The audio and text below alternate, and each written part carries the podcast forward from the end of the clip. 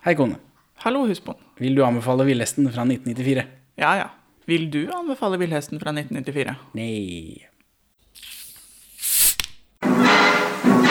Perla for svin.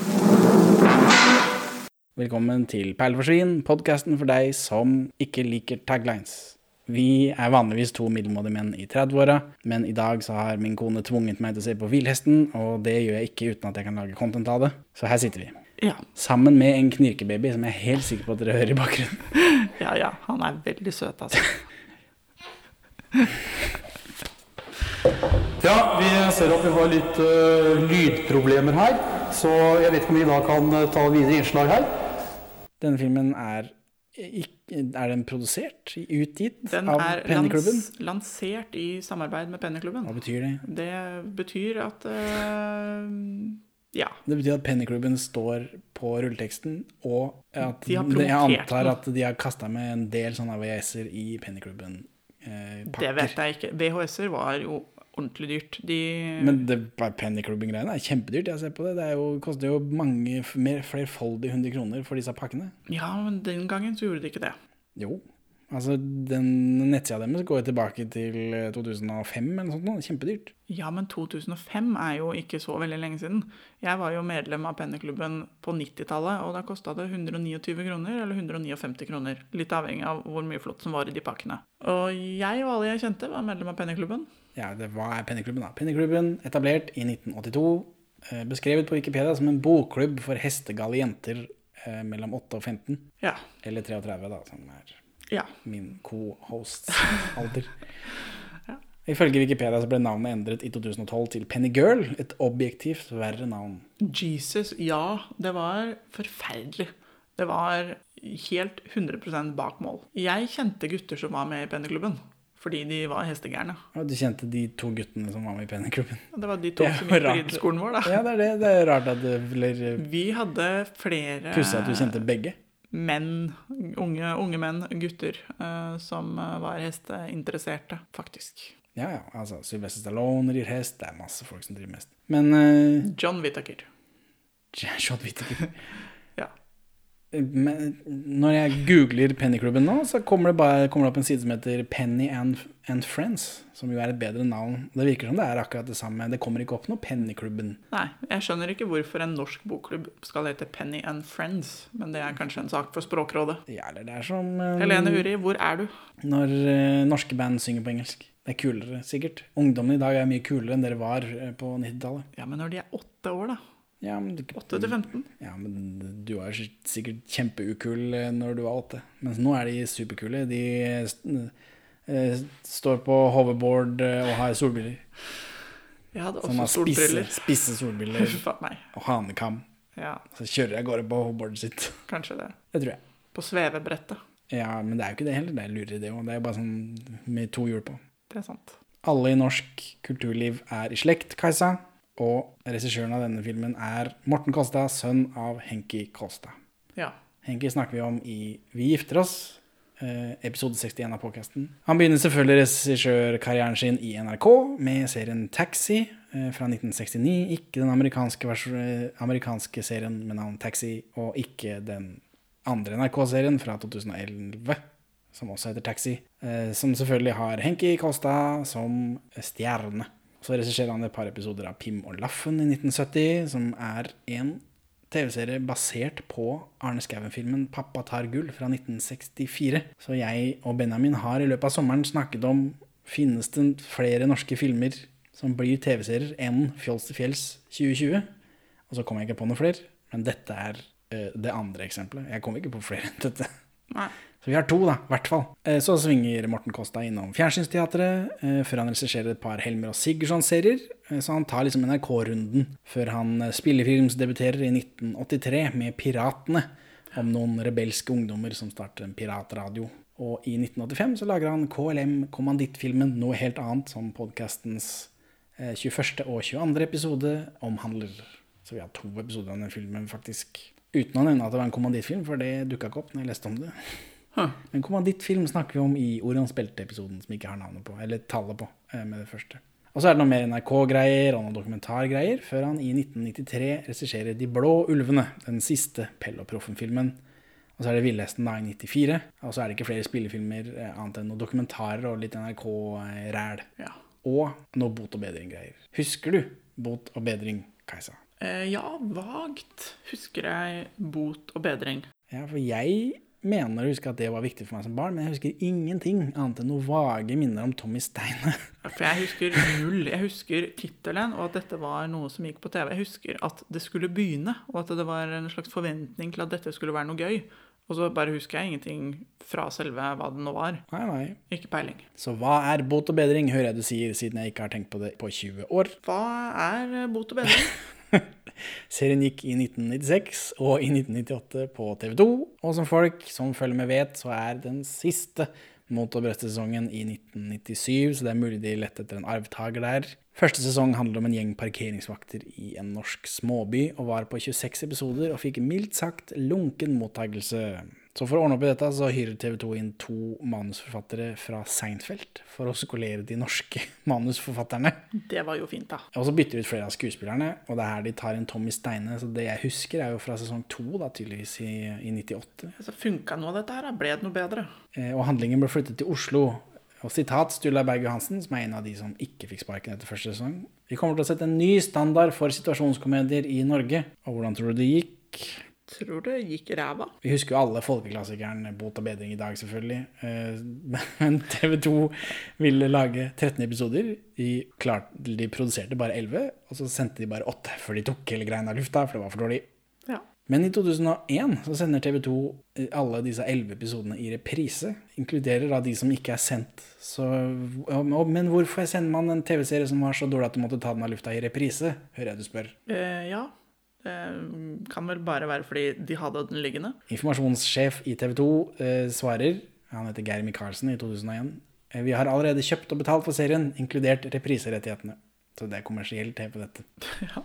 Sturla Berg Johansen sier også i 2001 eh, at eh, han hadde ruset seg både på alkohol og narkotika i serien, noe som kanskje forklarer det tidligere sitatet om at de skal sette en ny standard. Og eh, også eh, dette er sitatet, det er helt greit at serien sendes i reprise, men jeg skulle jo ønske at jeg kunne vise til prestasjoner gjort i edru tilstand. Så det var bot og bedring, bedring, noe jeg så vidt husker fra barndommen og måtte slå opp. Henke Kolstad har gjesteroller, ser jeg, så det er vel sikkert de episodene som Morten Kolstad har regissert. ja. Det der splitter pinegal. Hovedrollen i denne filmen er Linda Halse Digernes. Eh, Hun er tolv år når de spiller inn, men i dag så er hun utdannet journalist og jobber i 2017 for haugenbok.no Det er jo helt utrolig at hun har blitt gammel nok til å utdanne seg. og har tre barn. Nei, men gud, da har vi snart noe til felles da, jo. Det er flott. Det er noe å glede seg til. Veldig. Vi har sett filmen på VHS-kvalitet, så det er noe så. Filmen åpner med en jente som sover. Det er eh, voiceover om at hun drømmer skumle ting, om villhesten. Og så er det hun eh, Ragnhild heter hun. Hun bor på en idyllisk gård sammen med mor og far og gård Og bestemor. og barn og dyr.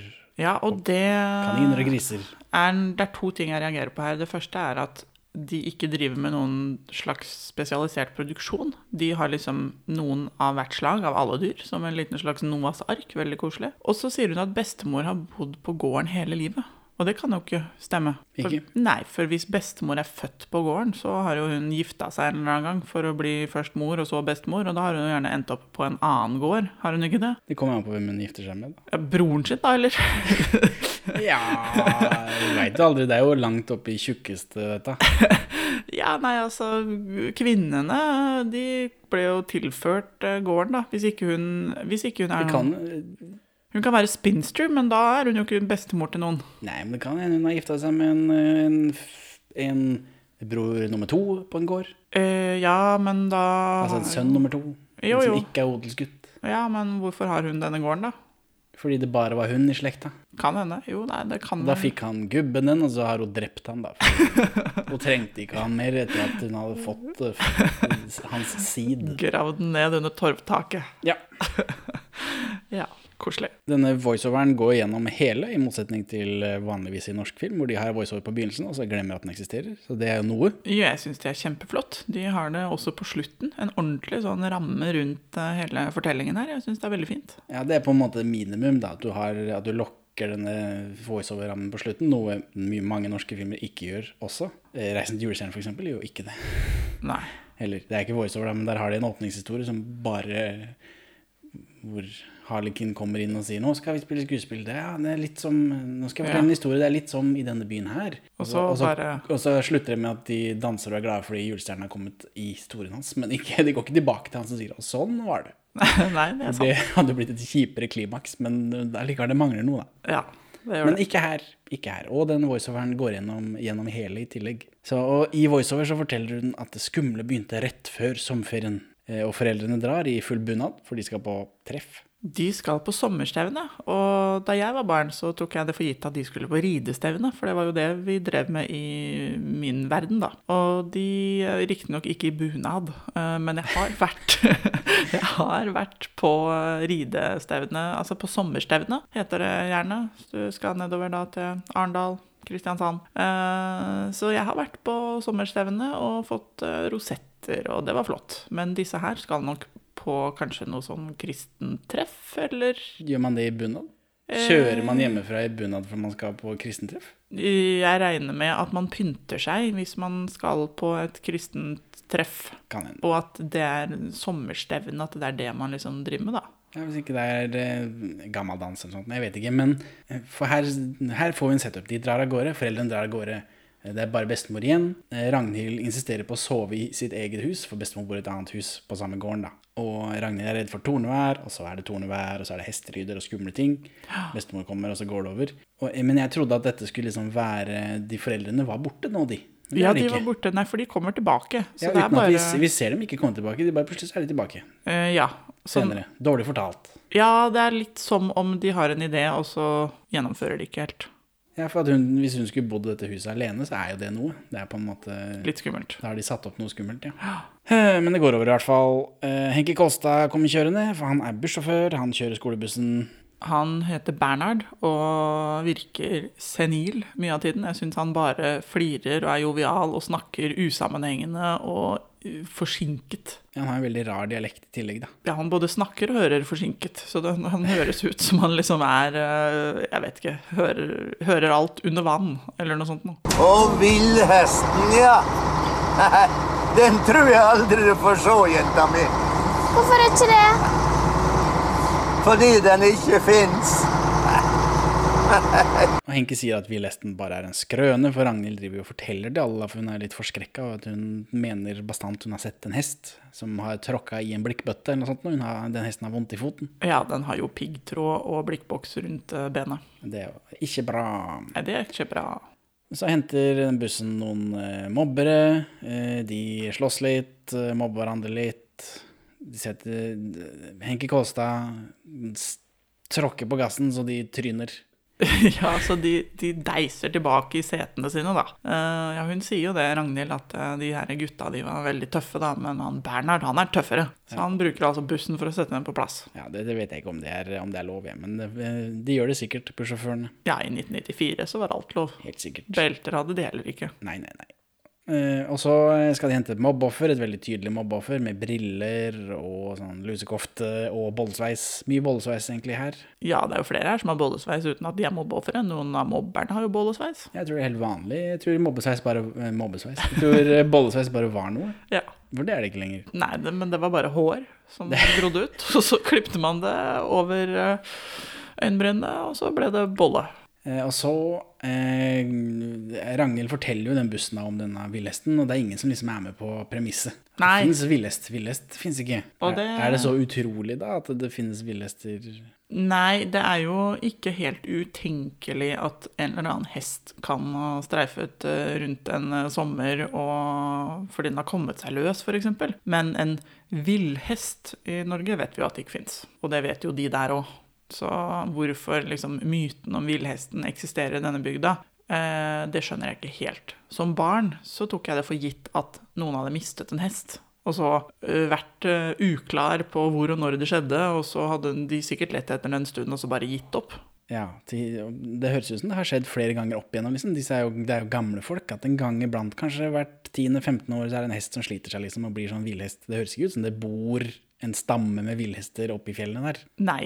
Men det er jo også rart at det skal eksistere en bygd i Norge hvor de stadig mister en hest. Sånn Det- For meg som ikke har noe greie på hester, syns jeg ikke det var så rart. Du, vi har jo, eh, Der vi bor nå, så er det høner. Det har jo stikket en høne derfra. Jo, men den kommer jo hjem. Ja, ja, Men det, Og er- det det, gjør er jo det- bare tilfeldig at Nei, den det eh, bestemte seg for at ikke- i dag skal jeg dra hjem. Det er ikke tilfeldig. For det gjelder ikke disse hestene, for de har, den, akkurat den hesten her har litt sånn annet lynn.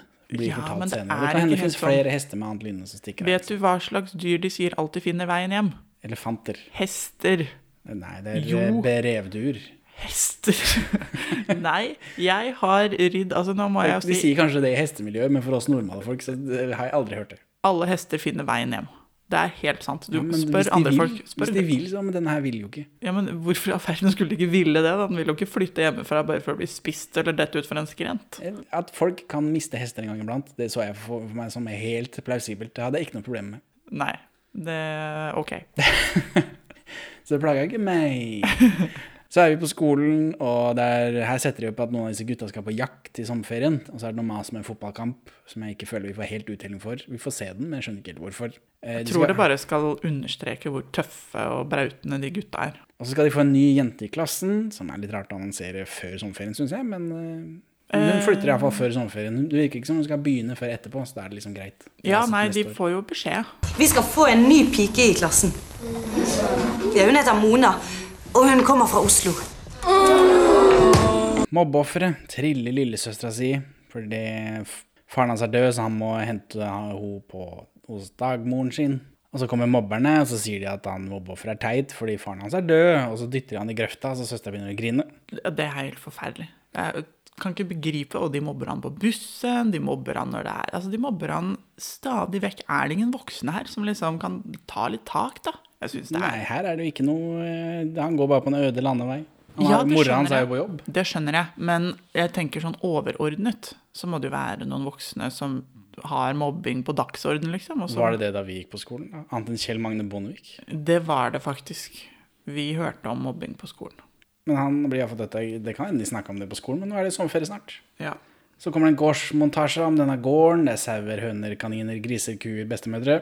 ja. Og Ragnhild driver fortsatt og maser denne villhesten med bestemora si, da. Og bestemor sier at jo, kan jo hende en sånn hest overlever ute hvis han finner noe å spise og liksom ikke fryser i hjel. Ja. Det stemmer for så vidt. Hvis det er en rolig og grei hest i litt godt hold, så kan den eh, overleve ute. En stund i hvert fall. Og så kommer det noen hestegreier. Det er noe sånn ridesenter i bygda her. Og han som eier den eh, ridesenteret, han har du sett før. Det er jo det er Joakim Jensen fra 'Camilla og tyven', den ordentlige tyven. Ja, det er skurken. Mhm. der vi har sett den! Ja! Han eier hesteskolen. eh, Ragnhild syns Rideskolen. Det er ikke det samme, da. Nei, det er ikke det samme. Han eier ridesenteret. Ja, Han eier den hesteskolen, og Ragnhild syns han er litt skummel, men jeg syns han ser ut som en sånn Sergio Leone-statist. Han hadde blitt det rett inn i Once upon a time in the West. Ja. Han øh, har veldig buskete øyenbryn. Er det hans ekte øyenbryn? Eh, eh, ja, det er jo hvis ikke han tar med seg de øyebrynene rundt omkring fra film til film, for han har vel de samme i Camilla-tyven. Ja, ja. Og staselig type, da. Og så kommer det noen rike byfolk, tydeligvis, i en fancy bil for tiden, eh, og de vil kjøpe en hest. Og han rikingen blir skremt av en hest eh, i den fine dressen sin, og så tråkker han i bæsj. Ja. øh, dette er vel bare for å understreke at han er en sånn busy type som øh, ikke klarer å te seg i en stall. Og så er det dattera, det er Mona, som rir. Det har ikke noe med han fyren å gjøre. Han skal bare kaste penger på, på dattera si, så hun holder kjeft. Dette her må jeg også bare si at når øh, denne familien skal kjøpe hest til øh, datteren, så er det da denne Mona på kanskje 11-12 år som øh, går inn til hestene etter tur og orden og s- liksom besiktiger hestene. Og da er det sånn Nei, den her er for gammel. Eh, sånn kjøper man ikke hest. Faktisk. Ikke. Nei. Eh, I i sånn Robin Hood-verden så kanskje man gjør det, men eh, her eh, på Når man kjøper hest eh, på norsk Hvordan er det man kjøper hest, da? eh, Man bestemmer seg for hva slags hest man eh, vil ha og trenger, og hvis man er 11-12 år, så er det noen voksne som bestemmer hva slags hest man vil og trenger. Eh, og så må man finne den på Finn. Eller på utenlandske eh, nettsider hvor hester selges. Disse, dette er jo bare noen rikinger som har flytta til bygda og skal ha seg en hest. Og Det, han gir jo faen i hva som hest er, så lenge dattera holder kjeft. ja, nei, det hjelper ikke. Jo, jo, jo. Nei, Har det du hjelper nok ikke. penger, så er ikke det noe problem, vet du. Ja, I hvert fall hvis du har mye penger. Da vil du ha det beste av det beste. Da drar du ikke til en bygd i Nord-Norge og bare Eh, Han er ikke så interessert Dumper. i hesten, han vil at en datter skal holde kjeft. Hjelper ikke. Men t- tilbake til han der Joakim Jensen, eh, han som eier dette eh, ridegreiene. Ja. Ranger sier at hun syns han er litt skummel, men det kommer aldri tilbake. Det er ikke noe grunn til det. Nei, men hun At han Ragnhild ser litt sånn Nei, jeg morsk tror ut. ikke det har så veldig mye med han å gjøre. Han ser litt morsk ut, og så er han en litt sånn tøff, eh, staut eh, type. Nei, men han er jo veldig imøtekommende for alle disse dumme barna, da. han er, han er jo i det store og det hele det, men han ser jo veldig skurket ut. Men hun, Ragnhild, dette er nok mest for å understreke at hun er av den litt engstelige typen. For hun er redd for tordenvær, og hun er dette her, denne filmen her er også hennes reise til å komme over hesteskrekken sin. Det er sant. For hun eh, er egentlig litt for pysete til å skulle gå i fjellet og fange en villhest. Men den, den dattera til rikingen, Mona, Ja. hun eh, finner seg en hest, da, og her, nå er det ridning. Det er dette eh, du er her for å se. Eh, ja, altså Ja, jo. Det er jo eh, rart å galoppere ut av stallen, men ja, jeg tenker Det, jo var, det er feil, det òg. Det er feil. Ja, det er feil. Først, men det, jeg skjønner jo at ikke de kan vise en hel rideøkt, for først så må man gå rundt i 20 minutter. Og så kan man begynne å trave, og så må man gjøre det i 10 minutter, og så skal man begynne å galoppere. Og når man liksom har holdt på med det en halvtime, så kan man begynne å teste hesten. Ja, så du vil egentlig Du syns ikke den filmen her var kjedelig nok? Nei, altså, det er kjedelig å se folk som varmer opp hester. Det er derfor vi ikke ser eh, oppvarmingen før en fotballkamp også. Fordi det er kjedelig.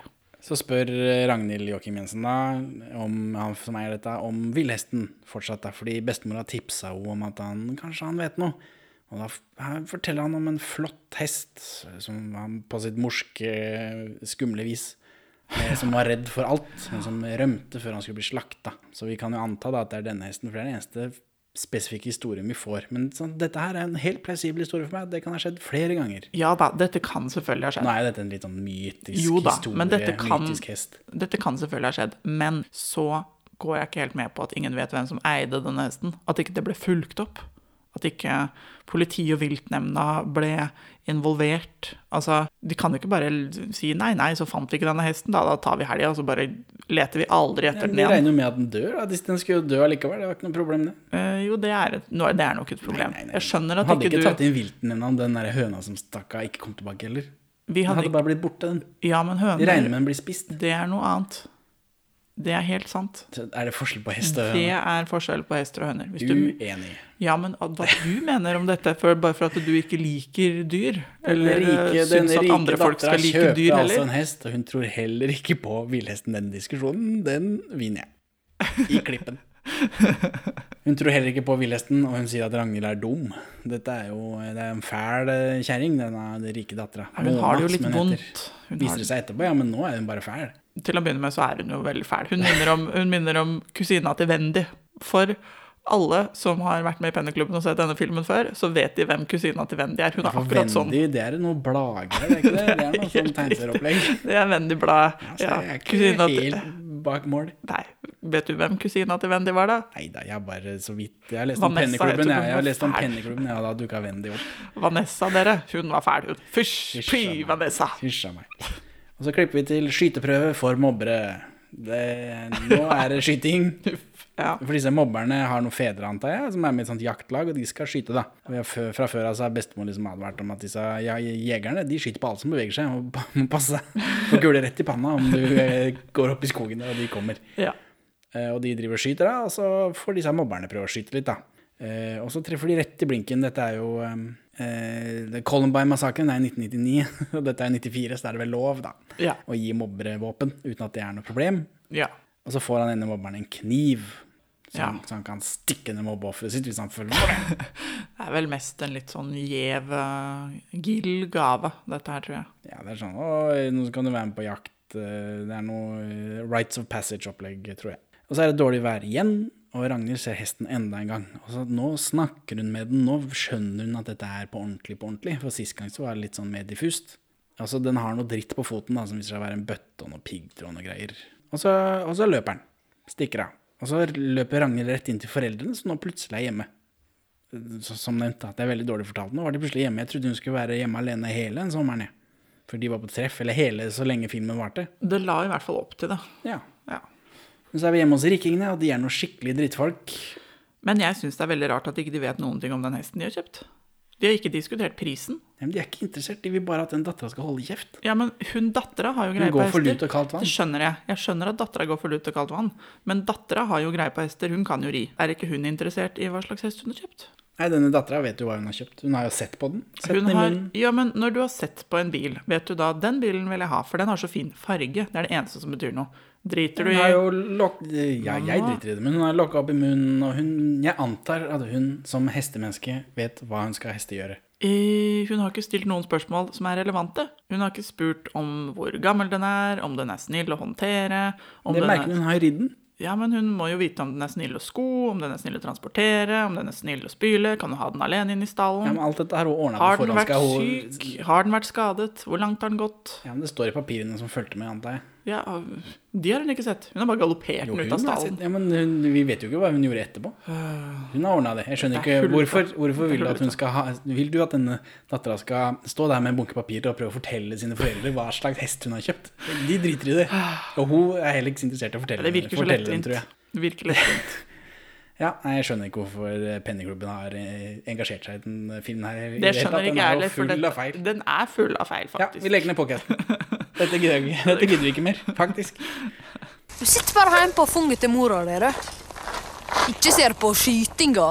Ikke går på jakt. Og ikke går på fotballkamp. Bare for far din er død. Eh, Dattera blir tvunget til å sykle inn til bygda, da, for disse foreldrene har jo ikke tid til henne. Det er noen gjennomgående greier. Utrolig kjipt. Ja. Og nå er det den fotballkampen som de snakka om. Eh, vet ikke helt hvorfor det er med. Ingen liker Mona. Det er noe etablerer vi nå.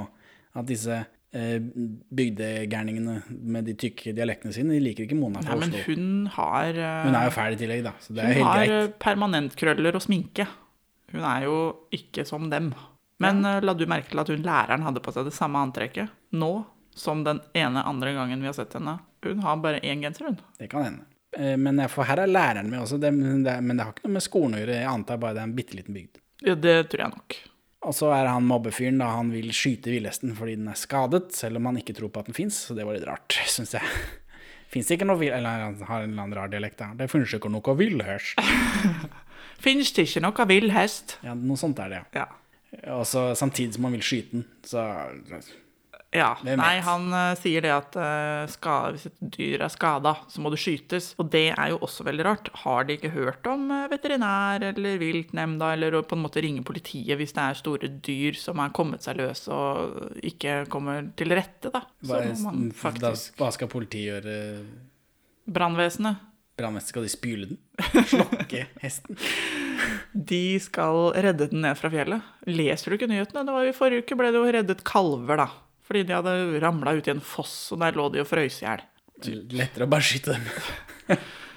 Åh, altså, du har jo ikke noe hjerte. Jo, jo, jo. Pyse. Mona og Ragnhild sykler sammen hjem etter dette fotballkampgreiene. De, de, de tror ikke de forteller Mona at ingen liker henne. De sier det til hverandre bare. Det er vanlig, det.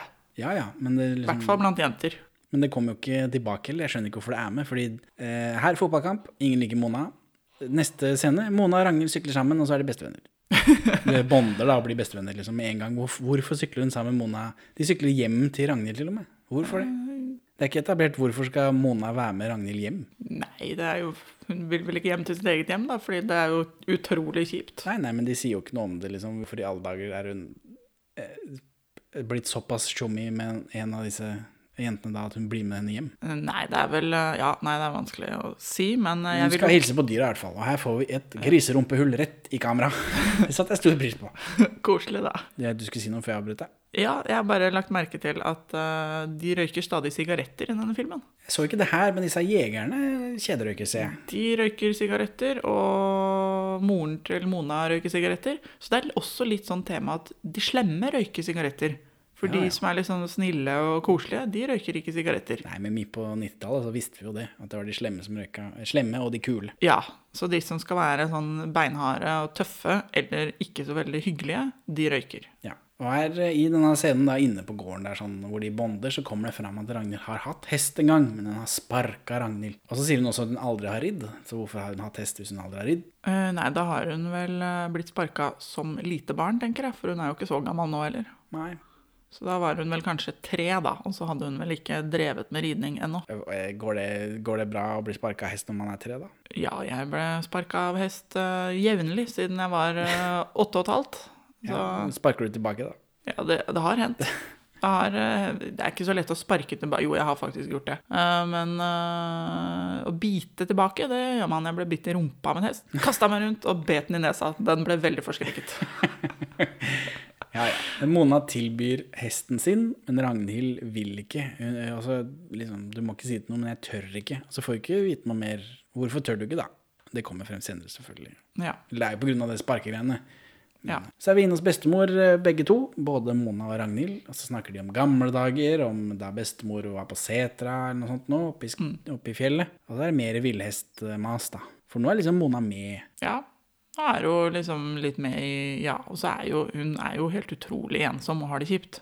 Så at hun hiver seg på det- landsbytullingen som tror på spøkelseshester, det er- gir jo mening. Men I første scene så sa hun 'det fins ikke villhest, du er dum'. Jo, men Og nå så- er det bare mm, Jo, jo, men høres det ikke så var jo dumt ut. fordi Ja, men det var jo når hun bare var slem. Nå skjønner vi jo at hun er jo ikke slem med vilje, hun har det jo bare vondt hjemme. Og da er hun jo egentlig grei innerst inne, da. Og så er mobbeofferet ute og går den samme turen igjen, men nå istedenfor å bli eh, tatt av en mobber, så ser han et stokkfoto av rådyr som han skremmer, som om det rådyret er farlig og en trussel. Nei, han skremmer det for å uttrykke sin øh, Fordi han er et mobbeoffer. Han blir stadig mobba, så da skremmer han opp dyr da, vet du, for å være litt kjip tilbake. For han, Jeg syns ikke det virka som det var for å være kjip, det virka som han skremte den fordi, han var, fordi det var en trussel. å ja, nei. Følte jeg.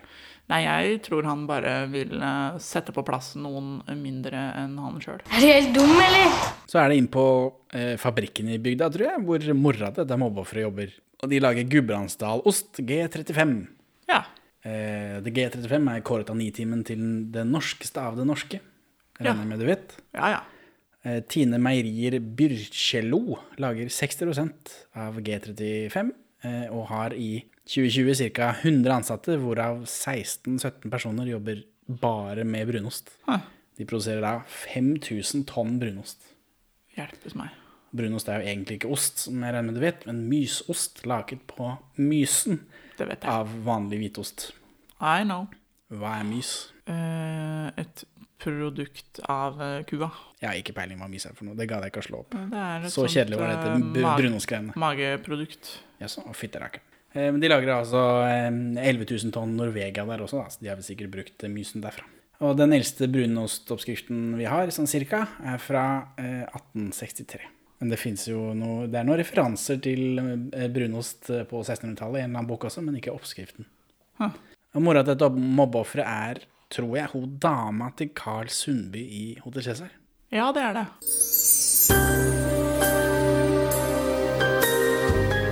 Og mobbeofferet er da sint på mora si fordi han ikke skal noe kult i ferien, på jakt eller drepe noe eller noe sånt. Ja, han er jo sint for at eh, det er jo litt stusslig, da.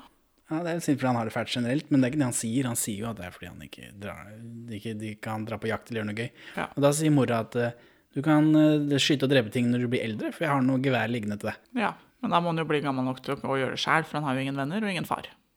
Nei. Og det er vel litt trist, da. Nei, hvis du skal fange den derre villhesten din, så må du jammen tørre å sitte på denne her. Ja, men Ikke vær pysete nå. Og så er det Mona som eh, lærer Ragnhild å ri, og, Ja. og det er visst ikke så verst for eh, Ragnhild allikevel. Nei, hun klarer seg ganske bra. Og så kommer dette mobbeofferet, da, og da blir alle tre enige om at de skal opp i fjellet og lete etter villhesten, men de må spørre foreldrene først. Og så ser vi da at, eh, at Henki henter Mona og Ragnhild med bussen, og så er det mer villhestmas, og så Henki advarer da om jegerne som skyter på alt. Pju, pju. Og foreldrene til Ragnhild sier nei. Ja, For de bryr seg jo om barnet sitt. Ja, De kan ikke sende noe opp i fjellet for å eh, rote rundt der samtidig som folk driver og, og skyter på dem. Nei, det var ikke den skytinga, for dette er på hver sin side av fjellet, så det er liksom greit. Men eh, nei, de, det, de Hun er jo en lita jente, da, tenker de, og de kan jo ikke gå oppi der aleine. Eller sammen med Mona, da. De, de er for små. De er for unge. Ja, Men så sier hun at å, ja, men alle og Så ramser hun en masse gutter. Ja, men de er gutter. Ja, de Det er noe gutter, og annet. de skal opp og skyte og drepe ting, så det må være lov. De skal på jakt, da, liksom. Så, men Mona får bli med, da, fordi foreldrene hennes sier jo faen, de skal på fest. De skal på fest med store skulderputer. Ja, Og de skal drikke. Ja. Selvfølgelig. Men han eh, mobbeofferfyren ser vi ikke noe til, for han, han må jo høre med mora si, han òg. Det antar vi. Ja, altså senere så blir det bare tatt for gitt at han har gjort det og fått nei fordi han må passe på denne søstera si absolutt hele tiden. Men, Ja. men det kommer mellom scenene. Det blir liksom forklart etterpå fordi mora er lei seg fordi hun eh, Fordi hans sønn har det så fælt at han, for han må ta vare på den søstera si hele tida. Det, det mangler en scene her. Eh, ja, det gjør det. Uansett så er det midt på natta. Ragnhild hører hest, og hun løper ut mens foreldrene står og glaner i vindu sammen med bestemor. Ja. Hva, hva, hva var dette? Det er da de skjønner hvor modig hun er. Eh, ok, fordi hun er ute på gårdsplassen på natta. Helt riktig. Ok. Jeg tolka det som det er da eh, bestemor eh, overbeviser dem om at eh, jo, hvorfor ikke da? Jeg, da jeg var liksom åtte år, så gjeta jeg masse greier oppå Ja, det fjellet er der på sikkert begge seteren. deler. Og se så modig hun er som sånn turer ut på gårdsplassen midt på natta selv om hun er redd og skal se etter denne hesten, da. Se så stor hun er blitt. Ja. Går ut i mørket selv. Og det er jo det som skjer, da. Eh, Dagen etter så er Ragnhild sur på foreldrene fordi de er så dumme. Hun har ikke fått vite ennå at foreldrene har blitt overtalt. Men så skjer det at hun får vite det. Eh, Men da har Mona ombestemt seg, for nå tror ikke hun på Ragnhild lenger plutselig. Og her er det noe ridning i tillegg, da, som jeg regner med du Ja. setter pris på. Ja, rydning er fint, men eh, nei, det som skjer eh, her, er jo at eh, Mona er jo veldig vonbråten fordi foreldrene hennes er så skrekkelig dumme. Eh, Mona vil ikke lenger bare gå for lute kaldt vann, men hun gjør jo det. Det går utover Ragnhild bare. Eh, Ja, men det, hun kan jo ikke la det gå utover foreldrene sine, for hun må jo bo et sted og spise mat. Så hun er på en måte stuck med foreldrene sine, da. Så da blir hun bitch mot venninna si i stedet. Ja, og så her rangler trygler Mona da. at, Å, du må være med, jeg klarer ingenting uten deg. Og Mona er opptatt med å ri, da. Hun rir rundt. Og Det Ja. regner jeg med å sette pris på, selvfølgelig. Hun sitter på sin høye hest. Ja. Og så er det noe grining fra Ragnhild, og da blir Mona med plutselig. Det Ja, var liksom hun løsningen smelter. på den. Ja, hun klarer jo å overtale henne med trygling og som hun gjør, da. Det Hun er trist, det er, eller patetisk. ber. Ja, det er jo litt sånn Litt trist. Og det er jo litt eh, Ja, det er jo et litt sånn skjevt eh, styrkeforhold mellom disse to unge jentene, syns jeg. Eh, selv om Ragnhild er den som er ekspert på villhester og på en måte har eh, know-how om fjellet og familien og tilknytningen til stedet, så er det liksom Mona som må funke som en slags primus motor for at noe skal skje eh, likevel. For at de skal eh, på tur, da. Da får du gjøre det selv. Ja, men jeg tør ikke. Vær så snill. Og så er det mer eh, mørke bilder med, med skyer over fjell. Det blir veldig mørkt på den VHS-en her, da. Det aner oss at det er veldig, veldig mørkt og trist og Ja, en villhest, skummel skummelt. stemning. Eh, og så driver eh, disse For det virker som Mona sover over hos Ragnhild før de skal dra, og da noe som blir fortalt mellom Det er også mangler en scene, for plutselig så lå de sammen. Tenkte jeg, «Jaha, har de dratt allerede? Hva er det som skjer her? Ja, Men dette var dagen før. Og Ragnhild drømmer da om at villhesten blir skutt av disse skumle jegerne. Så det Ja. er jo veldig skummelt, da. ja. Så er det dagen etter. Jegerne setter ut i skogen, alle røyker. Jentene pakker tau og sukkerbiter og kikkert og legger i vei. Er det sånn man fanger hest? S- Sukkerbiter og tau? Ja, det er eh, en grei måte å gjøre det på. Du bør ha noe som knitrer. De liker eh, lyd. Det er knitringa, ikke sukkeret de liker. Jo, jo, de liker sukkeret, men de vet at sukker kommer ut av ting som knitrer. Så hvis du ikke har sukker, så kan det hjelpe med noe som knitrer. For det, da tror de at det, oh, her er det noen som pakker ut en sukkerbit, og så bare fuck, tau. Nei, men i alle dager. Er jeg fanget? Ja, ja. Og her kommer den scenen da hvor eh, dette mobbeofferet går rundt og kjeder seg, mens mora står inne på fabrikken og griner og ser på at han kjeder seg. Ja. Eh, Og så er det en av disse kollegaene hennes som sier ja, men eh, vi kan, vi, dette ordner vi, liksom. Vi skal finne på et eller annet. Og så ser vi ikke noe mer til dem eh, i filmen. Nei. Og så er det, det er montasje. Jegerne går, jentene går, det er mye sånn goldt fjellandskap. Og så finner mobberen en gammel hestesko. Den er ikke så gammel heller. En sliten hestesko. Ja. Og den er jo, må jo Ja, den er eh, tynnslitt, eh, men en veldig tynnslitt hestesko. Eh, jeg har jo da drevet med hester i 25 år. Kan jo da si at eh, de hesteskoene de blir tynnslitte helt igjennom etter under tre måneder på en eh, hestehov. Jo, men oppi skauen. Eller oppi fjellet. Ja, der, der blir den ikke så slitt. Det har tydeligvis blitt det, da. Ja, så der er det jo bare Dette er bare rart. Men er det her denne mobberen begynner å tro kanskje det fins en villhest på ordentlig? Ja. Selv, som, selv om han tidligere har villet skyte den. Ja, og så har han jo De, er jo, de tøffer seg jo bare, ikke sant? De er jo ikke Ja, det er mye tøffing. Ja, men de er jo ikke så dumme. Det høres jo litt spennende ut. Og så kommer jentene fram til denne seteren til bestemora. Jeg vet ikke hvordan setere fungerer, jeg, men dette er jo Hm? Støylen. På støylen. Ja, eller hva det er for noe. Er det ikke seter? Eh, Jo, det er en seter. Men eh, for her er det, det, det ser veldig Det er morkne treplanker og gammelt ut. Og så er det inne så er det fullt møblert og det er Ja, liksom- det er jo veldig værbitt på utsida, men det er helt vanlig. Men er det fordi når hun eh, gamla fortalte om dette, så virka det som dette var noe hun gjorde i sin ungdom, og så er det ingen som har Samme gjort sted. det mer. Eh, Men nei, det her, er, her har det ikke stått i 30 år, 50 år. Jo, det kan jeg godt ha gjort. Ikke fullt møblert. Jo, jo. Jeg tror jeg er gæren, jeg. Da, det, det, det er jo ikke hull i gardinen engang. Det hadde vært mye mer morken. Nei, det er jo litt værbitt på utsida, da, men det er jo laga for Det å har det jo stå vært i hele tida, sikkert. hundrevis av år, da. Ja, men ikke, det er jo fullt møblert på innsida. Det er ikke støvete engang. Nei. Hvordan fungerer seteret? Hva er en seter? Jeg sånn, vet ikke ja. hva det er for noen gang. Altså, dette er en eh, enkel hytte i fjellet som eh, man kan bo i om sommeren når man passer på dyra som er på sommerbeite. Eh, og i gamle dager da, så hadde de da tydeligvis eh, dyra på sommerbeite, men de har jo fortsatt sauer og kyr og de har alt mulig, så jeg skjønner ikke hvorfor ikke de har dyr på sommerbeite lenger. Det er I fordi fjellet, da. De, de har ikke råd til å sette noen på seteren. Men bestemora, da. Hva har, hva har skjedd i de siste 50 åra? Hva har hun gjort hele sommeren, liksom? Jeg vet ikke. Eh, Så er det natta, og jentene legger en plan for å fange hesten før de blir skremt av en lutenbuss. Vet du hva en lutenbuss er for noe? Nei. Det er en sånn eh, umotivert jump scare. Ja. For her er det en fugl som De eh, snakker mystisk om å fange hest, og så er det en fugl som skriker, og så blir de veldig redde. «Åh!» skriker de, og så skal vi skre- bli redde. ja. Det er en lutenbuss. Det er det bygger spenning, bygger spenning, og så kjører en buss forbi veldig høy, med veldig høy lyd. Wow! Sånn, ja. Fra filmen Cat People i 1942, regissert Som av skal en fyr til som heter Luton Airport. Nei, ja, det er eh, L-E-W-T-O-N. Eh, Det er regissøren som heter det. Eller er det regissøren, eller er det en sånn annen eh, sånn produsent? Jeg husker ikke. Nei, I ja. hvert fall eh, oppkalt etter det. Greit. Så kommer det en veldig dramatisk scene hvor jegerne liksom sitter i mørket rundt et bord og snakker om å skyte den hesten, blæste hesten, så den ikke sulter i hjel, da, riktignok. Og så, er liksom, og så Det er ikke- la, tar de ladegrep, og det, er liksom, det klippes ganske dramatisk. Ja, men det er jo ikke det de primært sitter og snakker om, da. Men de sitter og deler det er jo det de jakthistorier. slutter filmen, eller slutter scenen på, at det bare Ja, ja. Det er jo for å bygge spenning her. Kommer vi over den, så er det nok best å gjøre slutt på lidingene. Hvordan da? Skyte den. Vårt yngste publikum i dag syns at dette var skummelt på grensen til ubehagelig. Ja, Hun var oppriktig redd for at noen skulle skytes. Ja, for jeg har sett henne med et barn. Et barn som tidligere i filmen mistet interessen og begynte å fikle med PlayStation-kontrollen min, og jeg skulle ønske hun heller gjorde det. Så jeg vet ikke.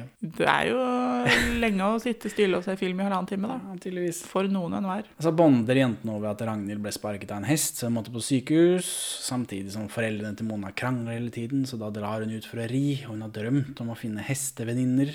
Hun har flytta mye rundt, så hun har blitt veldig mye mer lei seg og sinna og tatt ut frustrasjonene sine på venninnene sine overalt hvor hun har vært. For hun har hatt det vondt hjemme lenge. Da blir man en kjip person. Så nå er de bestevenner. Og så driver mobberne De gleder seg til å lure jentene i morgen. Hvis de ser dem, så skal de liksom lure dem, sier de. Og det skjer ikke. Så jeg skjønner ikke hvorfor den, eh, akkurat det var med. For dagen etter så er det noen som kommer inn seterdøra. Det er veldig, veldig skummelt. Hva er dette for noe? Det er mørkt. Noen eh, rasler i døra. Er det den hesten? Kan hester åpne dører? Spørsmålstegn. Eh, ja. Enkelte dører kan de selvfølgelig åpne hvis det er fysisk mulig for dem, så klarer de å tenke seg til hvordan man gjør det. Men det er mobbeofferet. Heldigvis. Så han har jo fått eh, Mora, Jørgen. da, mora da har jo ordna barnevakt, denne søstera hans. Vi bør gi ham et navn. Vi bør ikke kalle han mobbeoffer hele tiden. Det er jo det han er. det er veldig stigmatiserende for mobbeoffer For å- Jørgen. å bli kalt mobbeofferet. Han har et navn, han er en ordentlig person. Det er han, heter ikke. Han Jørgen. er en karakter i en film. Han heter Jørgen.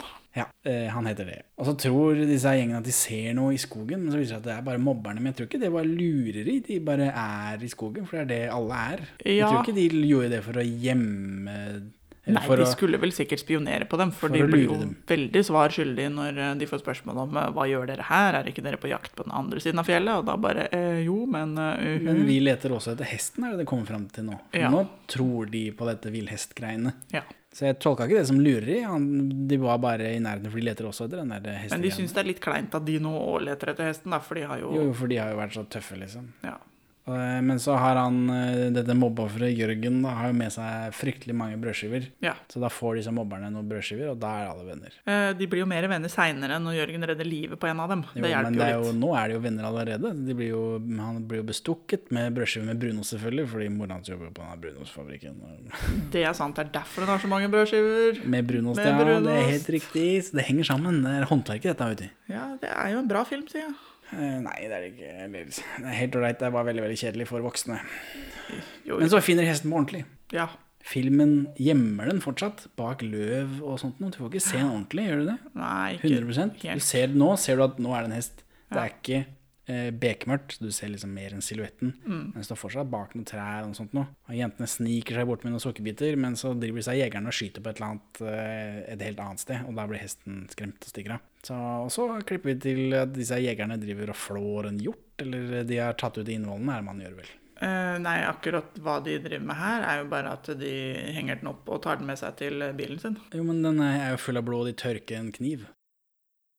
Jeg tipper de tar ut innvollene, for det er vel ingen som spiser, så slipper de å bære det. Kan tenkes. Men jeg kan ikke noe om dette. Eh, Og så spør de seg liksom Ja, hvor er disse barna våre hen, da? Nei, sikkert i nærheten. Så det er liksom Ja, ja. Ja. Og nå er han, eh, han, eh, han mobberen, da. Han eh, Er det stigmatiserende å kalle han som mobber for mobber også? Eh, nei, for de har ikke noe ordentlig navn. Jo, ikke Han, de han der. heter Runar. Runar, stemmer det. Eh, Han er lei eh, dette, etter at de liksom mista den. Ja, nå gidder jeg ikke mer. Og så, så stikker han. Han går en helt annen vei. Mens han, han er en sånn crony, en sånn undermobber. stemmer. Men han blir med de snille folka, så han er liksom konvertert, da. Ja. ja, det har han. Spruta jeg på deg, Jørgen? Nei da. Eh, og så, men han mobberen går av gårde, og så tryner han. Og så mister han liksom den kniven Han tryner litt ned en skrent, på begynnelsen av en skrent, og så mister han kniven. Så strekker han seg liksom etter den kniven, og det er veldig tydelig at han bare ligger på flat mark. Det kunne vært filma litt annerledes. Jeg syns du ser fullstendig troverdig Du ut. syns det? Ja. Og så tryner han enda mer, og nå, nå blir han racka. For nå ser vi liksom fjellskrent, og så er det noen som har pælma en dokke ned. Men resultatet er jo ikke så gærent. da. Han har jo helt eh, greit. Han er kanskje tre meter nede, eller ikke det engang. Halvannen meter nede for den skrenten. Men når de, vi filmer utenfra, Så ser det ut som han better i hvert fall ti meter. ja, ja, med hodet først, det ser ikke bra ut. Så han blir hengende i en skrent da, og heldigvis så har barna tau. Ja, Jørgen, for han er jo egentlig en ressurssterk og ordentlig fyr, han. Ja, eller det er jo eh, Range som har tatt med seg tau. Ja, det er vel hun som Ja, de skal jo fange hesten. Så kom ikke her. Selv om Jørgen tar ansvar da, og liksom setter i gang dette prosjektet. Ja, for han er en ordentlig fyr. Det er veldig pinglete tau, syns jeg. Det syns jeg jo, egentlig. For denne mobberen blir hengende over skrenten, eh, og så eh, hiver han Jørgen dette tauet ned og så sier må knytte ordentlig, da. Og så drar han han opp. Og så går de ned til seteren alle sammen, og der står jaggu den hesten. På tunet innimellom bygningene der. Yes, og det er et veldig flott bilde da, når, når den hesten liksom først blir avslørt, for dette er første gang vi ser den uten Mhm. at den er obskur. Så det er håndverk bak dette, faktisk. Det er ikke bare eh, Henke Kolstad-nepotisme. Nei da. Det er fint, det her, syns jeg. Ja, hesten er full av mose, da, og, og så har den dette greiene på foten. Så den har jo vært ute en stund. Ja, den har noe greier rundt benet. øh, mm, mellom kneet og ankelen, da. Eller mellom øh, kneet og kodeleddet og langs med pipa. Eller skinneleggen. Ja, ikke så nøye. Den har tråkka i en bøtte. Den har ikke tråkka i en bøtte. Er det ikke det som er der? Da? Det er litt eh, vanskelig å se. Ja, det er øh, Det er det de tar bort. Jeg Det så er for at det var en sånn gammel blikkbøtte. Eller eh, ja. hermetikkboks. Det virker umulig at en hest kan ha fått det rundt benet sitt. Så dette er bare filmtriks. Det er bare tøys. Det, det finnes jo ikke, det er, De har jo ikke filma en ekte villhest, så det er nok filmtriks. Ja. Og hvordan den kan ha fått på seg piggtråd rundt benet. En Den har jo bit gått med i den, da. Har du piggtråd. ikke sett disse skilpaddene som eh, roter seg inn i plastikk hele tiden? Det er Jo, sikkert men akkurat det plast samme. og piggtråd er jo forskjellige ting. Hvis en hest går i piggtråd, så drar den til beinet ryker. Eller For piggtråd ryker ikke. Jo, men det, det var bare en bitte liten piggtrådbit som var satt opp. Ikke tenk på det. Dette, dette Ikke er tenk jo på det. et kjempestort plotthull. Ikke tenk på det. Jeg pisser på deg! Du igjen! Eh, For da, nå skal de sette planen i, ut i livet, da. Eh, Ragnhild skal gå bort med eh, sukkerbiter. Og så skal, nå er det Jørgen da, som har fått eh, jobben til å legge dette tauet rundt halsen på hesten. Ja. Og mens de sakte sniker seg bortover med det, så kommer disse jegerne over åsen, og så ser de ned på Ragnhild, da, som prøver å gi hesten sukkerbiter. Ja. Og så vil de skyte hesten, da, for den hesten kan være farlig. ja. Hester er farlige. De er i hvert fall veldig store og skumle. OK. Ja, men de er så farlige. er det ikke det? Du, Den ene den hesten har sparka henne, Ragnhild, som måtte på sykehus. Det er farlig med hest. Det kan være farlig med hester, selvfølgelig. De kan slå deg også med hodet. Ja ja, klemme deg opp etter vegger og Ja, der ser du. Så jeg er på Tråkker på jegerens side. Eh, altså, men de roper for å advare barna, da, i hvert fall. De begynner ikke bare å plaffe løs og håpe at ikke de treffer barn. Nei da. Så det var, jeg ble overraska. Positivt overraska. Dette er riktig. Og så, eh, når de roper for å avlø- avvare disse barna, så løper han mobberen av gårde. Jeg vet ikke helt om det er meningen at vi skal tro at det er fordi han eh, nå er mobber. Og Jeg- vil tilbake til jegerne for å skyte hest. Husker at det er en sånn Nå er det ikke sånn kjempemange år siden jeg så den sist, Han stakk dem i ryggen. men jo, det er nok en liten sånn eh, Det er det meninga du kan tenke deg? Ja, det er meningen at vi skal tenke Nei, ja, der gikk han liksom over til den andre siden igjen. Ja, jeg tenkte ikke det. Han har jo ikke gevær, så hvorfor ja. Jeg for tenkte ikke det, han- men jeg tenkte at kanskje det var meninga du skulle tenke det. Han skifter helt rent fysisk lojaliteten sin. Han vil være på den andre siden av geværet når det skytes. Ja, det er jeg jo enig i, da. Eh, og så eh, jegerne skyter i lufta, da. Som også er riktig. Ikke peke ned mot barna. Nei, det er fornuftig hvis Så man de- først må skyte. Ja, men de, Så det går jo, de gjør ting i riktig rekkefølge her. Jeg hadde sett for meg, sånn som de har blitt eh, s- lagt fram i filmene, at de bare Å, der er hesten! Sikter. Pjom, pjom, pjom, og så skyter de, og så håper de at ikke de treffer barna. Ja. Men nei da. De skyter på lufta, og det, men den, nå stikker ikke hesten av. Den bare går litt rundt. Eh, ja, den blir jo skremt opp, men eh, den holder seg liksom i skinnet, da. Og så skal, eh, har jegeren eh, den hesten i crosshairs, nå vet jeg ikke hva det heter på norsk, i farta. I sikte, heter det. Ja, de har den i skuddlinjen. De har den i sikte, og da, da kommer han mobberen og kaster seg foran. Hopper bokstavelig talt opp i eh, sikte her. Sånn som Kevin Costner i The Bodyguard. Ja. Ikke skyt! Ja, eh, Kevin Costner blir jo skutt, da, men heldigvis eh, så, så blir ikke han skutt av mobberen. Nei. Og da, da blir det ikke noe av. Da gidder ikke de jegerne noe mer. Det er liksom det siste vi ser av dem, at de prøver å drepe noen. Da, nei, gir da, de gir, opp. de liksom opp når de skjønner at de har alle ungene mot seg. Og det som også skjer når de liksom blir avbrutt i skuddforsøket sitt, det er jo at de klarer å få lurt litt sukker i denne hesten, og de liksom ser at hesten hopper ikke på dem for å drepe dem en etter en. Og det er jo fint. Ja, for nå i sukkerbiter, og så får de det tauet rundt, og nå er det bare en sånn, nå er det plutselig en tamhest. Eh, ja, nå, da viser det seg at hesten er tam. Det er ikke sånn at hesten ble tam. Det føles sånn, det- for her, her gjør de et sånt eh, musikkgrep, hvor bare all spenningen blir liksom utløst Ja, ja, med en gang, jeg vet og, det ble, og så ble filmen veldig slapp. Jeg må jo si at det, det er ikke det at hesten ble tam, men det var det at de fant ut at den var tam. Det er noe annet. Ja, for den har vært veldig skummel hele veien, og nå er den bare, den ble en helt sånn slapp. Filmen? Eller hesten? Eh, filmen og hesten. Hesten har ikke vært skummel før, den har bare vært litt Mystisk. skremt og litt mystisk. Men det er jo ikke hesten sin feil, det er jo de dumme menneskene. Ja, men jeg vet ikke, det, det, men det var som om å, s- å slippe lufta ut av en ballong. Det gikk så veldig fort, de kunne liksom sugt på en sukkerbiten litt lenger. Ah, ja. Men hun som, eh, Men nå er filmen slutt, så det er helt greit. Det er hun ikke det. som har sett film med oss i dag, som er i målgruppen for filmen, husk på en aldersgrense fem år. Ja, ja. Eh, hun er ikke enig. Hun syns det var for skummelt. Hun syns at Og husk på den se- det her spenningen har bygd seg opp siden de skulle på jakt. Så har de holdt på, og da snakker vi om liksom 20 minutter av en Ja, ja, en og en halv men time jeg lang kan, film. ikke, jeg kan ikke anmelde film på vegne av et annet menneske. Jeg må gjøre det for meg selv. Så dette her, det er jeg. Ja, men du må også anmelde den som en barnefilm. Nei, nei. Det, altså, det er en barnefilm. Det er derfor ikke den blir an- anbefalt, fordi det er for kjedelig for meg. Men, øh, men barn som liker hest, syns jo det er gøy. Det finner vi ut av senere i Barn episoden. som ikke liker hest òg, syns dette er flott. Det er mulig. Det er spennende. Eh, og så steller de såret til hesten, og så brått eh, kutt til en måned senere. Det er egentlig helt greit. Eh, Nå er det snø i fjellet. Jeg har ikke noe greie på fjell og vær og sånt, men nå er det jo Og st- snøen lagt seg i fjellet en måned seinere. For, eh, Filmen begynner før sommerferien, og så antar jeg, antar jeg det blir sommerferie, fordi de driver og reker rundt på fjellet. Er Ja. det lov å skyte ting i sommerferien? Er ikke det på høsten? Det er etter eh, at jakta har begynt. Ja, men er ikke det på høsten? Eh, Slutten av august kan du begynne å skyte ting. Ja, Og så i september så er det snø. Ja, det er det. I fjellet så er det det. Ja ja, jeg vet ikke. Jeg har eh, bodd en sommer i fjellet. Da jeg kom dit rett før eh, 17. mai, så var det snø. Og så gikk det ti dager. Og så var det liksom eh, blomster og 26 grader i solveggen. Så det skifter fort i fjellet. Men nå er hesten hyggelig i hvert fall en måned etterpå. Og den er frisk, og alt er bra. og Ragnhild skal prøve å ri. Og så rir Mona og Ragnhild til en sang litt som en musikkvideo. Å, det er kjempefint. Og her sånn så sier Linda Hase Digernes Denne hesten heter Loco. eh, og hadde for vane å kaste av folk, så i siste scene så kan du se frykten i øynene hennes, sier hun selv i et intervju med Nettavisen i 2017. Morsomt. Så jeg så etter det, og ja, det er vanskelig for meg å si. eh, Hester er veldig store og skumle, da.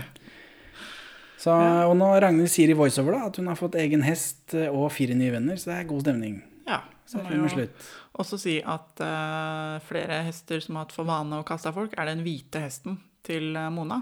Denne hesten eh, var en gang eh, eid av eh, prinsesse Märtha Louise. Hun skulle ha den som spranghest, og så var den ikke eh, helt eh, Den spilte ikke på lag, så hun hadde den ikke så veldig lenge. Hun hadde den i noen få uker. Eh, mener hun ramla av. Det er mye mulig. Og dermed så ble den solgt. Den ble solgt til Nord-Norge, hvor de døpte den om til Ex Royal. Og der levde den eh, livet sitt eh, ganske lenge. Sammen med Keiko. og spilte eh, inn film, blant annet. Så ble den vel litt greiere med årene da, kanskje. Ja, altså eh, podcastens, eh, Denne delen av podcastens standpunkt er 'legg ned kongehuset'. Men den filmen her er jo spilt inn eh, ifølge, ifølge kommentarfeltet på hest.no, hvor folk sier 'Å, jeg husker da de spilte denne filmen der hvor jeg bodde, her og her og her', så er det Volda, Sunnmøre og Ålesund. Ja, det stemmer. Det er Ålesund ridesenter eh, som er eh, åsted for eh, mye av dette her. Og det er vel Jeg tror det er der Ålesund rideklubb holder til i dag. Det er mye mulig. De har fått ridehus, da, siden eh, denne her ble spilt inn. Hurra. Gratulerer til Ålesund rideklubb. Du ville anbefale dette, jeg vil ikke anbefale dette, men hva syns egentlig barn? Vi har jo hatt eh, med oss eh, en ekspert på feltet her eh, i dag. Eh, Elina, snart ni år, har eh, sett denne filmen med oss. Og hun er jo både hesteekspert og et barn, så hvem er vel bedre til å vurdere om denne filmen faktisk er noe? Det er sant, da får vi høre litt på ho, da. Jeg har jo invitert deg med fordi du er i den alderen som filmen er laget for. Og du heter Elina. ja. Eh, Men du blir ni år på torsdag. Og Elina og jeg kjenner hverandre ganske godt. Eh, For jeg er ridelæreren til Elina. Og da er jo ikke du bare i den alderen som filmen her er laget for, men du er jo også litt sånn hesteekspert. Mhm. Hva syns du om hestehåndteringa deres i filmen? da? Har de greie på hester, disse her, eller? Ja. Meste, flesteparten av dem virker som de har liksom peiling. Og det virker som om de kan ri. Ja. Noen av dem i hvert fall. Var det en øh, Var det spennende filmen, eller? Ja. Var den forespennende? Ja, kanskje litt grann, bitte lite grann skummel, men veldig spennende. Det var mest spennende, da. Mm. Hva er det du syns var mest fint med den filmen, da? Det var at de fikk tak i hesten og hjulpet den. Ja, ikke sant? Ja, For det var jo litt fint. Det var jo flaks at de ikke skjøt den. Mm. Kan du se at filmen er fra gamle dager? Ja, den er ganske tjukk, og så er det noe sånn svart inni der. Men øh, har du sett øh, en sånn her type film før? Sånn på sånn øh, Nei, VHS? aldri. aldri. Aldri? Nei. For du hadde ikke sett sånn kassettfilm? Nei. Nei, det er jo ikke så rart. Likte du filmen, da? Ja, veldig godt. Vil du anbefale andre å se den filmen? Ja, i hvert fall ikke noe mindre enn det jeg er. Nei, ikke noen yngre barn enn deg. Nei. Nei, det kan bli litt for spennende. Ja, det var mye mørke der. Og litt mer sånn at det smalt ganske mye. Ja, det er litt voldsomt. Det er både uvær og geværskyting. Hvis du tenker på de eh, ungene i denne filmen, hvor gamle syns du de virker? Jeg syns egentlig virker altså litt mellom ti og tolv år, kanskje. Og hun eh, Mona, hun eh, Hva syns du om foreldrene hennes? De herre som var så opptatt hele tiden. De kunne vært litt mer opptatt av barnet, men For de var ikke så veldig opptatt av den ungen sin. nei. Bare av å bygge hus, dra på jobb og litt sånne ting. Ja, det var veldig eh, merkelig. Det var jo litt sånn eh, Det var mer mobbing, syns jeg, i den filmen. La du merke til det? Mm. Ja. Ja. De var litt sånn ekle, de guttene. ja. Jeg tenkte Men det jeg. ble egentlig snillere etter hvert. Ja, de ble jo litt greiere, de gutta. Mm. Heldigvis. Så bra.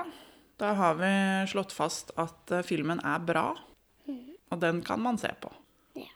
Men man bør være åtte I hvert fall åtte, sju, kanskje sju.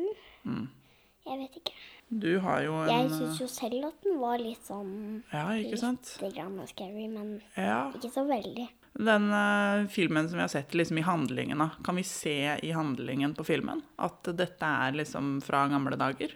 Kan vi se det på menneskene i filmen, eller eh, på klærne, eller noe sånt? Jeg da? syns ikke egentlig det. Nei. Men husene, ja.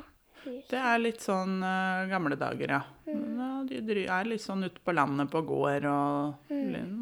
Da kan vi si tusen takk. Tusen takk til Elina. Takk for hjelpen. Ja. Tusen takk for at du kom og så på film med oss. Det var veldig fint. Kan hende vi spør deg igjen vet du, hvis vi har en eh, ny norsk eh, hestefilm. Kan hende vi eh, vil ha ekspertuttalelsene dine igjen. Mm. Bra. Ha det bra. Men det Så hvorfor vil du anbefale denne filmen, Kajsa? Fordi det er en bra film. Den har begynnelse, handling, slutt. Det er et sammenhengende plott. Det er troverdig, det er passe spennende. eh, Det er veldig vakkert, det er eh, autentisk og Autentisk. Det eneste du har klagd over, er alt som ikke er eh, riktig med de hestegreiene.